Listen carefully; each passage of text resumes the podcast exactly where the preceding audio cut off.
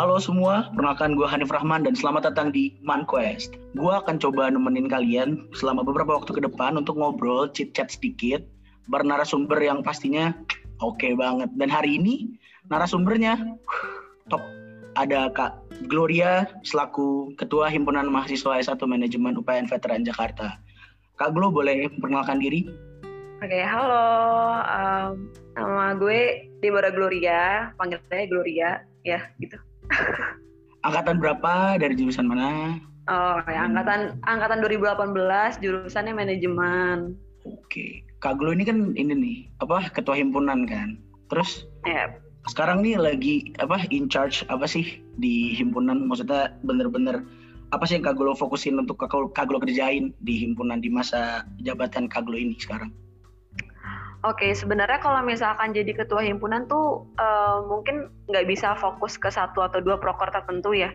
Kayak pasti semuanya harus kayak di difokusin gitu. Kayak misalkan proker universal, terus proker internal juga harus sama rata gitu. Jadi lebih ke ngawasin terus koordinasi sama progresnya sih kayak misalkan ya update progres dari setiap masing-masing proker gitu sih. Oke, menarik. Kalau misalnya kegiatan di luar himpunan, Kak Glo lagi sibuk apa sekarang? Um, kalau di luar himpunan, selain kuliah juga, um, gue lagi magang. Kebetulan lagi magang. Magang di dua tempat juga, di Kemendikbud sama hmm. di Hello Learn Startup. Terus juga ya gue aktif pelayanan di gereja juga sih.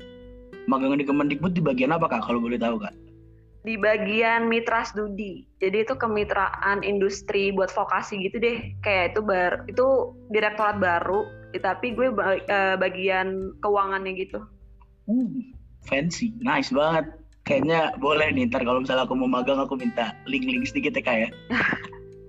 banyak banyak yang minta link kayak gitu teman-teman gue. Oh bahkan yang sangkatan aja minta ya? Iya. Berarti gue harus ngantri dulu gitu ya? iya harus. Oke, okay, ini kan uh, podcast pilot episode ini kan kita tujukan pertama kan buat mahasiswa baru kan yang baru masuk nih. Sebelum kita melaju lebih jauh untuk ngobrolin tentang apa apa hukuman veteran Jakarta, aku mau nanya ini sih pertanyaan paling basic maba ke kakak tingkat nih. Oke. Okay. Transisi atau perubahan signifikan apa sih yang Kak Glo rasain pas Kak Glo dulu lulus dari SMA terus masuk ke dunia kampus mungkin dari segi belajarnya kah atau dari segi pergaulannya atau mungkin hal-hal lain yang mau Kak Glo tambahin boleh banget. Oke, okay, sebenarnya yang pengen di highlight tuh ada dua. Yang pertama itu masalah jadwal kuliah.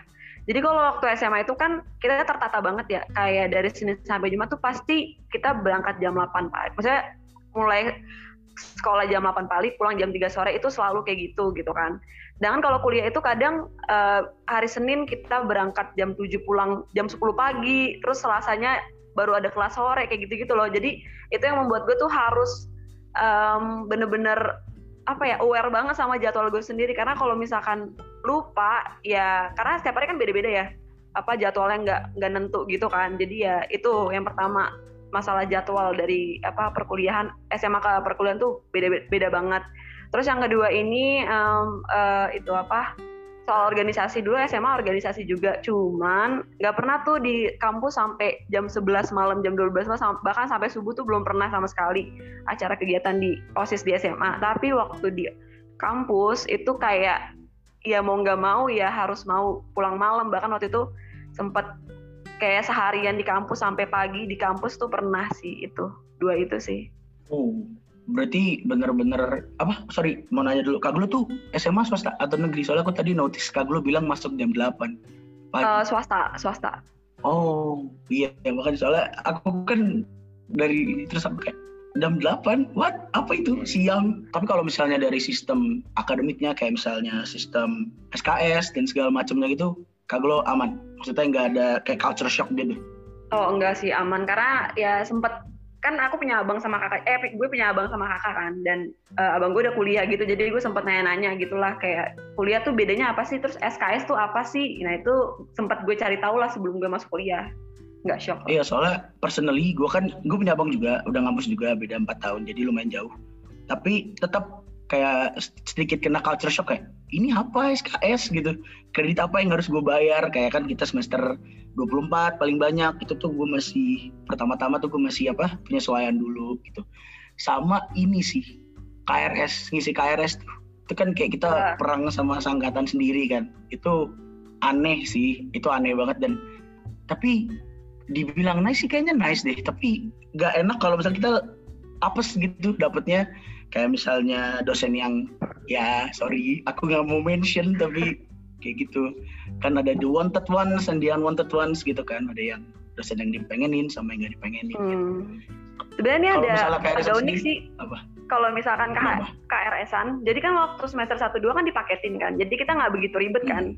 Nah, semester 3 tuh Hmm. Mulai nggak dipaketin. Jadi ngisi sendiri-sendiri. Dan kebetulan semester 3 itu waktu itu gue ada keluar kota. Jadi gue nggak bisa ngisi KRS karena gue agak ada di daerah gitu deh. Akhirnya yang ngisiin tuh teman-teman gue. Jadi waktu pertama kali ngisi KRS itu gue nggak di apa gue belum merasakan ngisi KRS rebutan perang KRS tuh belum pernah waktu yang semester 3 itu.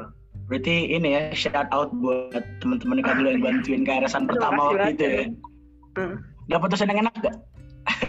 Jangan sebut nama tapi nggak boleh. Um, oh, Atau ada kayak mhm. ada yang gak enak sih. Sebenarnya ada yang gak enak pasti ada yang gak enak. Dan apa ya? Dan gue kan waktu diisiin kan pasti gue di nomor dua kan kan. Jadi mereka ngisi punya mereka dulu, baru ngisi Hmm. punya gue kan. Dan gue gak apa-apa kayak yang penting gue diisiin, gue dapet kelas, gue dapet dosen, dah itu doang.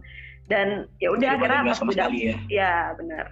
Terus pas udah dapet kayak gue kan nggak tahu kan ini enak atau enggak, belum dijalanin kan. Dan gue emang nggak nanya juga. Akhirnya pas gue jalanin kayak eh, ada yang gak enak sih, tapi kayak ya udahlah mau gimana juga, nikmatin aja. Mau nggak mau ya.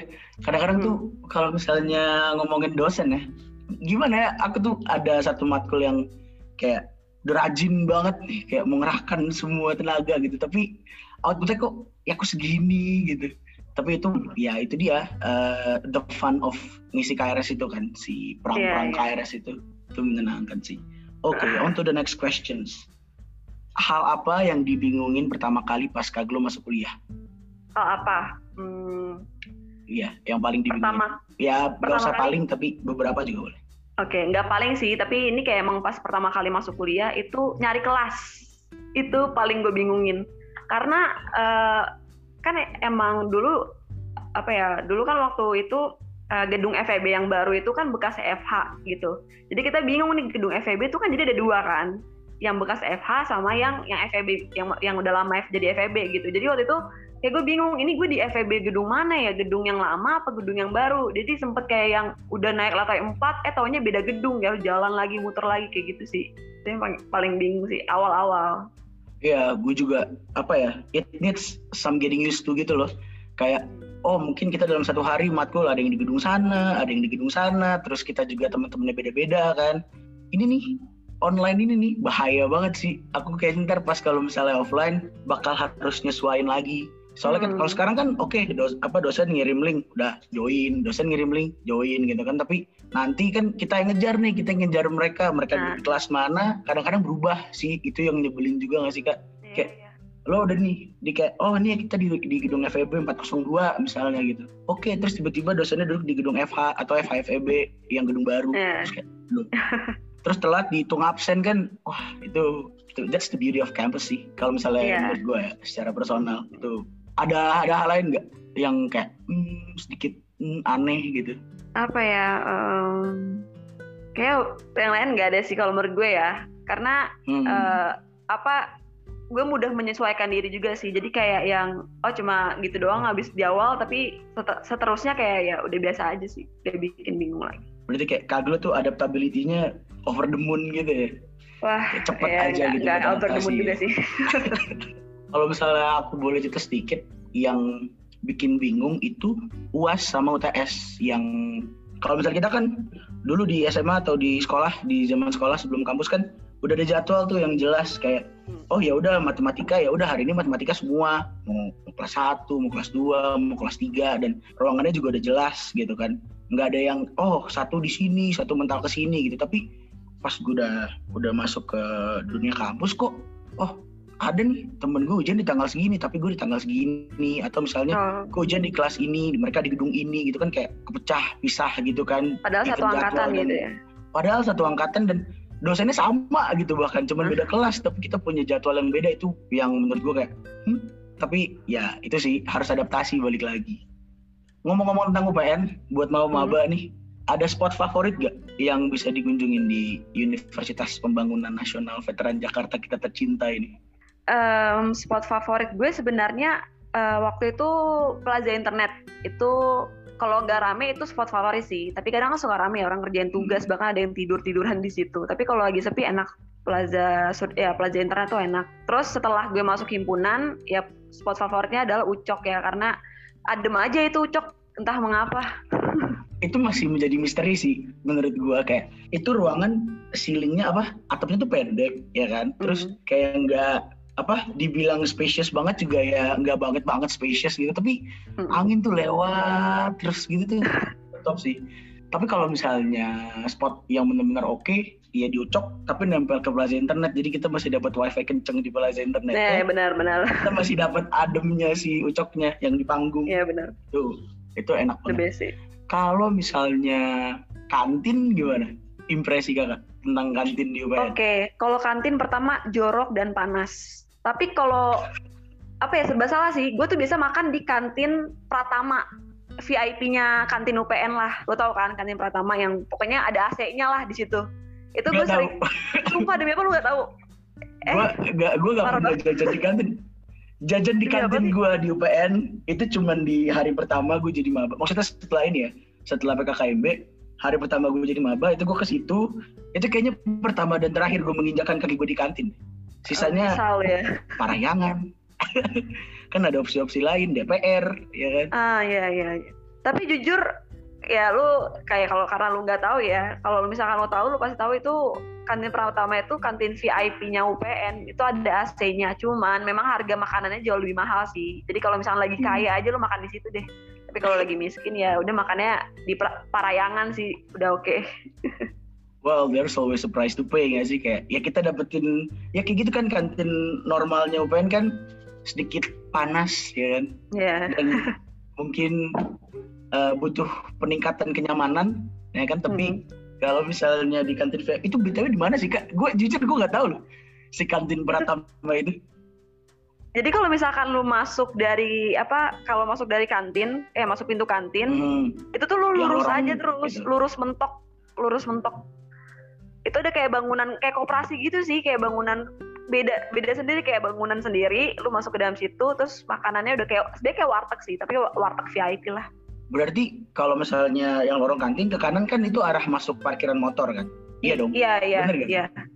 Iya. Oh berarti iya. lurus. Kita nggak yang ke kanan tuh. Iya lurus lurus. Nanti pas offline mungkin gue bakal nyoba iya lu coba deh main-main. Mana aja gue kalau misalnya oh ini sih. Jujur gue belum pernah ke perpusnya UPN Oke. Okay. Lo pernah nggak? Pernah, pernah. Pernah. Nyaman kah? Atau cukup oke okay untuk belajar kah? Atau sedikit nyantai-nyantai gitu?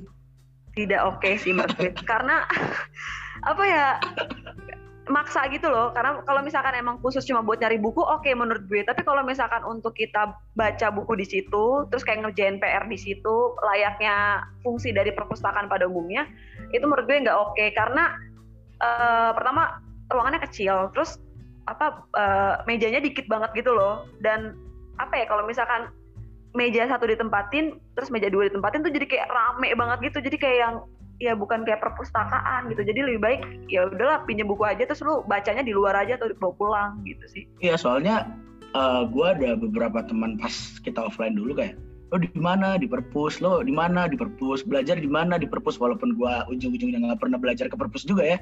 Tapi okay. ya gue mata gue nih belum pernah ini bener-bener ngelihat wujud si perpusnya UPN itu soalnya ya pulang kampus biasanya ke Ucok bareng sama okay. yang lain sih. Tapi mungkin mungkin bukan perpustakaan kali.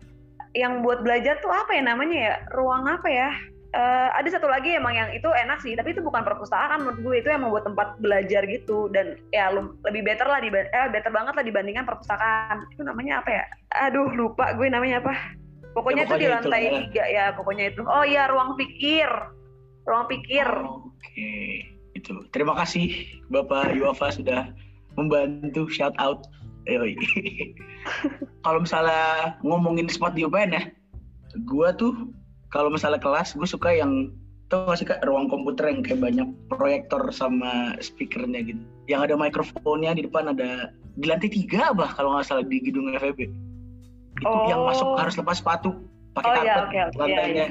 Itu enak banget. Itu Iya, mejanya beda sendiri dari kelas lain ya kan, nyaman, bangku panjang, adem AC-nya, ruangannya juga kedap, bersih dari luar nggak masuk. Kalau misalnya dapat kelas di situ, nih mahasiswa baru harus bersyukur sih. Yang nonton nanti nih, itu itu salah satu ruangan paling top buat ya belajar, obviously.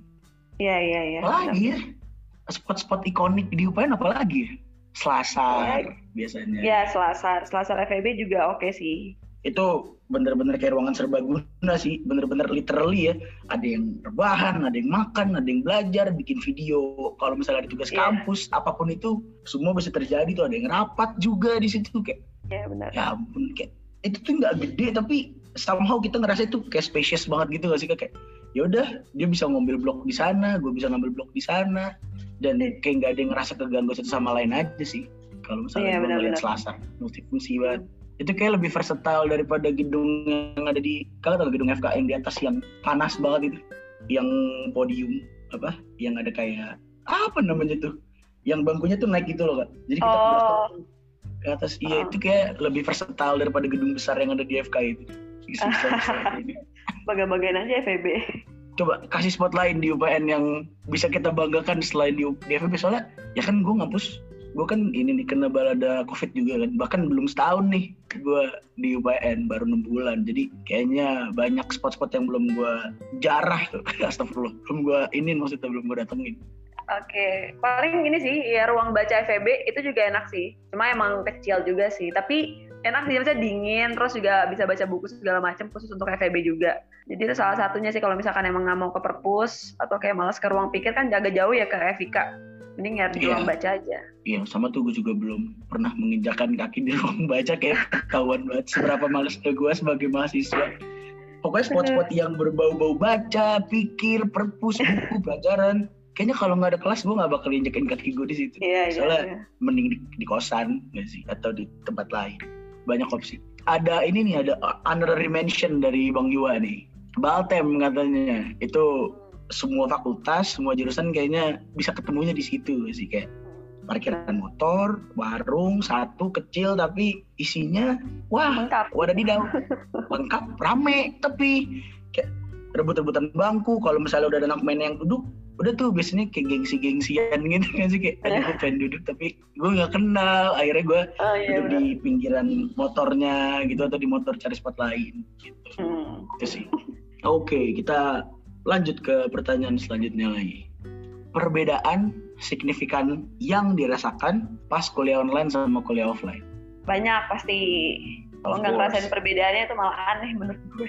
I have quite a few tapi kaglo dulu Oke, kalau gue pribadi, em, oke plusnya dulu ya, positifnya dulu ya. Enaknya adalah eh, gue bisa jadi multitasking gitu loh. Jadi kalau misalkan ya gue bisa sambil makan, bahkan gue pernah kelas sambil mandi. Jadi gue bawa HP gue ke kamar mandi, gue mandi karena sakingnya ya mepet banget lah waktu. Kayak gue belum mandi, terus kayak gue harus kelas lagi. Itu gue pernah. Jadi gue bisa semultitasking itulah. Kadang juga kayak gue sambil ngerjain tugas yang lain, apa segala macem. Nah itu pertama terus eh, oh ya terus juga bisa kayak yang kayak gue lagi nongkrong nih pengen jalan sama temen gue. Terus ada kelas ya udah sambil aja. Atau juga orang apa nggak perlu on on cam segala macam kan. Nah itu. Nah, tapi eh, nggak enaknya adalah eh, saking bisa multitaskingnya terus kayak bisa ngelakuin yang lain kita jadi nggak fokus sama pelajaran. Kadang juga kalau misalkan ya gue ngantuk apa segala macam gue pernah kayak ya udah join doang terus gue tidur. Itu nggak boleh sih. Kayak itu bener-bener di eh, semester ganjil kemarin semester 5 itu bener-bener gue satu semester kayaknya kayak join terus gue tinggal ke mana atau nggak join gue tidur kayak gitu sih. Bentar mundur sedikit ya. Oke. Eh, tentang multitasking pas kelas online, oke, gue melakukannya juga, bahkan mungkin gue sambil main PS gitu, maksudnya, aduh sorry banget ya Pak Bu gitu, atau mungkin sambil di balkon nyantai gitu kan, atau sambil temen ada yang main ke rumah karena kita punya kelas bareng, jadi kita satu device bareng-bareng gitu, tapi sambil mandi gak, mandi loh, itu gue sering kayak gitu tau sumpah. Gue juga gak ngerti kayak padahal kan bisa aja gue kayak karena ya kalau misalnya gue nggak join itu nggak mungkin karena di absen kan. Kayak itu ya gue gimana ya pada saat itu gue harus mandi. Udah amat gue harus mandi sedangkan emang lagi kelas. Jadi kayak ya udah gue kelas sambil mandi. Berarti emang kayak nggak ada ini tuh apa substitusi lain gitu. Maksudnya kayak oh gue misalnya gue mandi ntar deh habis kelas gitu. Emang sepadat itu kah yang kak Glo lakukan karena multitasking semua hal iya, setelah kelas iya, online? iya. Uh, kayak gue udah gerah banget gue pengen mandi. Intinya gue pengen mandi gitu. Wah. jadi yaudah mau ke lagi kelas pun itu mandi deh gitu. Itu nggak kanget ya Ya enggak enggak enggak. Itu gue selalu itu gue selalu lihat kan kayak gue jaga-jaga nih. Berapa menit kemudian kayak gue cek nih. Takutnya tiba-tiba ke unmute sendiri apa gimana kan gak tahu ya. Nah itu untungnya nggak pernah oh, sih. itu itu kalau ke unmute bete sih. Bete sih. Malu be malu pasti. Malunya dikit sih pasti maksudnya malunya iya banyak tapi BT-nya itu loh. Ya Allah unmute. Belum dosen ya kan. Mending kalau teman-teman doang it's okay. Yeah. Ini ada yeah, iya. satu yeah. orang yang jauh lebih tua kan dari kebanyakan orang di ruangan itu kan pasti. Interesting. Oh iya, tadi ngomong-ngomong multitasking emang Kak Glo sambil multitasking apa? Maksudnya kayak entah ngerjain sesuatu kah? Atau misalnya Kak Glo sekarang lagi ada project ini atau itu gitu sambil kelas online? Um, ini, jadi kalau misalkan organisasi kan nggak mungkin kita rapat pas lagi kuliah ya itu kayak nggak mungkin banget. Jadi bukan masalah organisasi tapi lebih kayak ke masalah pekerjaan rumah kayak bantu nyokap apa segala macam sama yang kedua ini um, ada pelayanan gereja. Jadi gue harus ke gereja gitu pas jam apa pas jam lagi kuliah. Kan gue kadang sampai jam 6 sore ya sedangkan kayak jam 4 gue harus ke gereja terus gue ada ya ada yang gue kerjain lah. Jadi kayak ya udah gue sambil kelas sambil rapat sama orang-orang di gereja gitu deh. Oke. okay taat sekali ya. Wow. Uh, iya. Oke, okay, multitasking, kelas online, paling gila, ya mungkin Kak Glo itu ya, mandi. Hmm. Kalau misalnya aku, paling gue sebatas nyetir atau paling makan, ya sama itu sih, bantuin orang tua kayak nyapu, kalau mbak lagi nggak masuk, ya kan, ngepel, tipis-tipis. Oke, terima kasih banyak Kak Gloria udah nyempetin waktunya buat ngobrol-ngobrol bareng gua, Hanif Rahman dan semoga Kak Glo ke depannya bisa nyantai magang dua tempat itu. Yeah, bisa selesai semua dengan baik dapat sertifikat yang oke okay punya juga ya kan? Dan buat kalian buat kalian yang nonton yang dengerin di mana pun kalian mendengarkan podcast ini jangan ke mana-mana karena abis ini ada segmen yang gak kalah seru. Bakal dipandu sama temen gue Gurais. Oke segitu aja. Terima kasih. Dah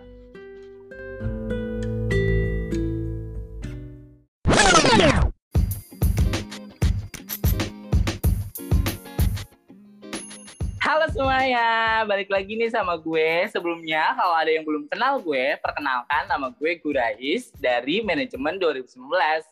Nah, kali ini gue bakal ngapain sih? Pasti kalian kepo kan? Nah, gue bakal bacain salam-salam kalian yang udah kalian ketik di Instagram Himpunan Manajemen.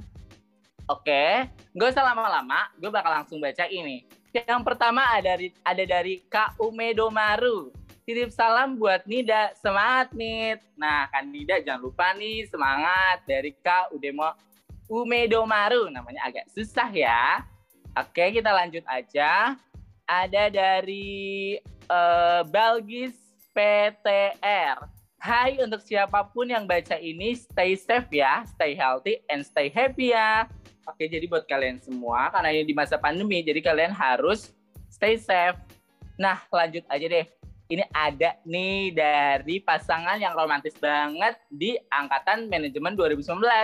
Siapa? Yaitu ada Kak Nadira Aul. Salam buat Sultan Aji, ganteng banget sih. Sayang terus ya sama aku, strip kentang Ketang 2019. Salah, kentang lagi. Kita lanjut ya. Ada salam dari Kak Wiraldai mau titip salam dong untuk Kak Glo dan Kak Kiting. Makasih banyak udah sak udah sering ngebantu sayang banget katanya gitu. Nah ya buat Kak Glo sama Kak Kiting makasih tuh dari Kak Wiraldai katanya udah sering bantu sayang banget katanya. Kita lanjut ya. Ada dari Kak Puka, Kak Puka. Manda jangan galak-galak tuh Kak Manda jangan galak-galak katanya. Lanjut kali ya, aku baca ke next yang berikutnya. Ada dari Firzaber sefakultas sama mantan nih tapi nggak seprodi sayang banget Hicks hahaha. Ya ampun kak. Set boy banget kayak ini kak Firzaber. Firzaber itu cewek apa cowok ya? Kira-kira ya apa jangan-jangan kayak gue? Uh, lanjut aja kali ya. Ada nih satu lagi dari Mir YNNR salam buat dia begitu. Banyak banget ya yang ternyata yang sad boy di sini. Nah, untuk salam-salamnya segitu aja nih teman-teman. Jadi kalau kalian mau ada salam-salam lagi boleh banget kalau HMJ di Instagramnya membuka di Hima membuka uh, kolom buat salam-salam, kalian bisa nih uh, ketik dan salam-salam buat mereka yang kalian cintai, sayangi, dan kalian rindukan dan bakal bakal gue bacain. Dan sekian dari gue, sesi salam-salam berakhir. Goodbye.